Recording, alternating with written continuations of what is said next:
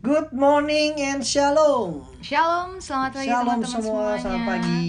Teman-teman, hari ini kita akan kembali bersatu teduh bersama-sama, memuji menyembah Tuhan dan merenungkan serta membahas firman Tuhan ya. Pujian penyembahan dan pembacaan firman akan dilayani oleh Cimega. Thank you so much Cimega. God bless you. Dan sebelum masuk dalam pujian penyembahan, kita akan berdoa bersama-sama terlebih dahulu ya. Tuhan terima kasih untuk pagi yang indah, untuk kesehatan, untuk damai sejahtera yang sudah Engkau berikan kepada kami semua Tuhan. Sebentar kami akan memuji dan menyembah Engkau sebab Engkau Allah yang layak. Engkau Allah yang selalu ada bagi kami Tuhan. Dan kami rindu untuk mendengar firman-Mu hari ini Tuhan. Kiranya firman-Mu bisa meneguhkan kami, menguatkan kami, menjadikan kami serupa dengan Kristus setiap hari. Terima kasih, hanya dalam nama Yesus kami berdoa. Amin. Amin. Apa yang tak pernah dilihat mata dan tak pernah didengar telinga yang tak pernah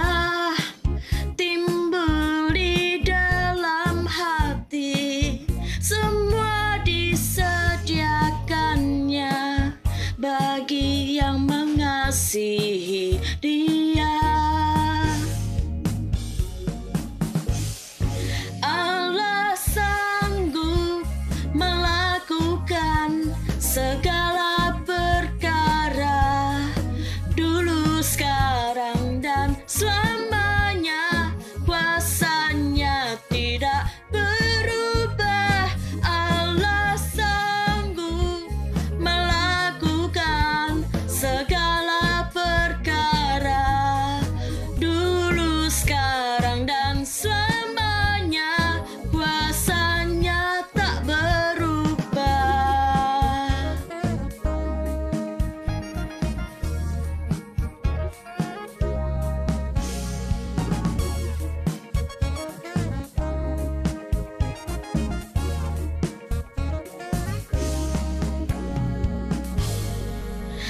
apa yang tak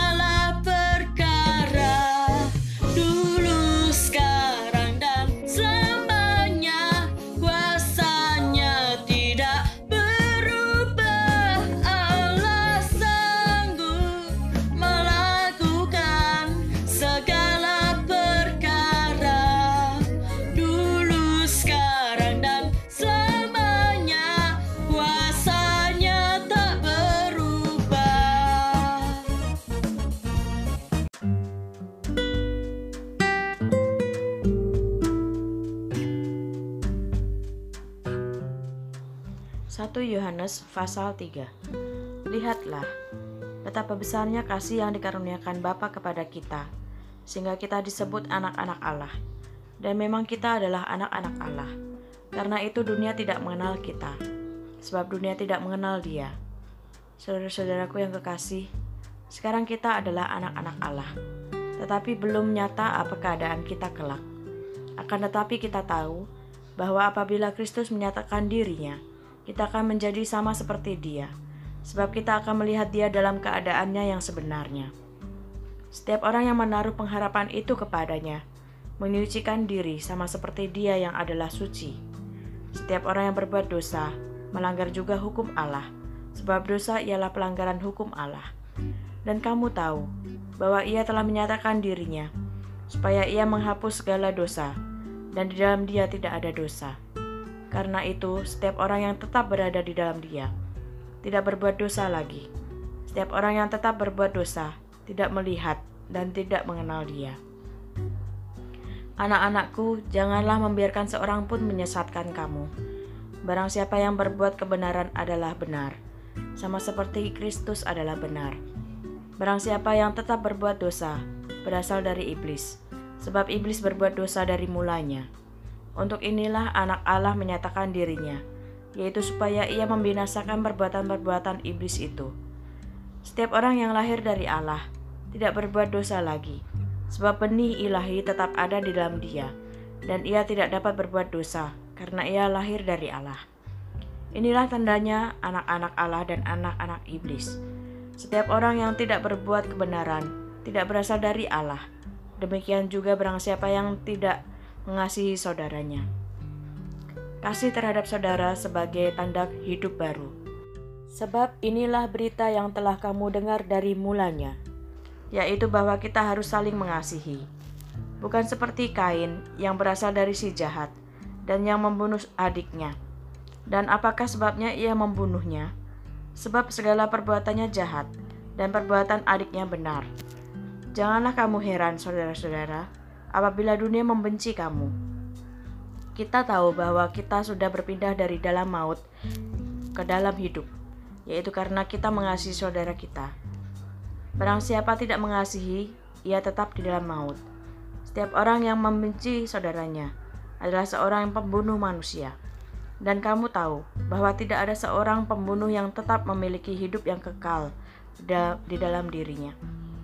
Demikianlah kita ketahui kasih Kristus, yaitu bahwa Ia telah menyerahkan nyawanya untuk kita.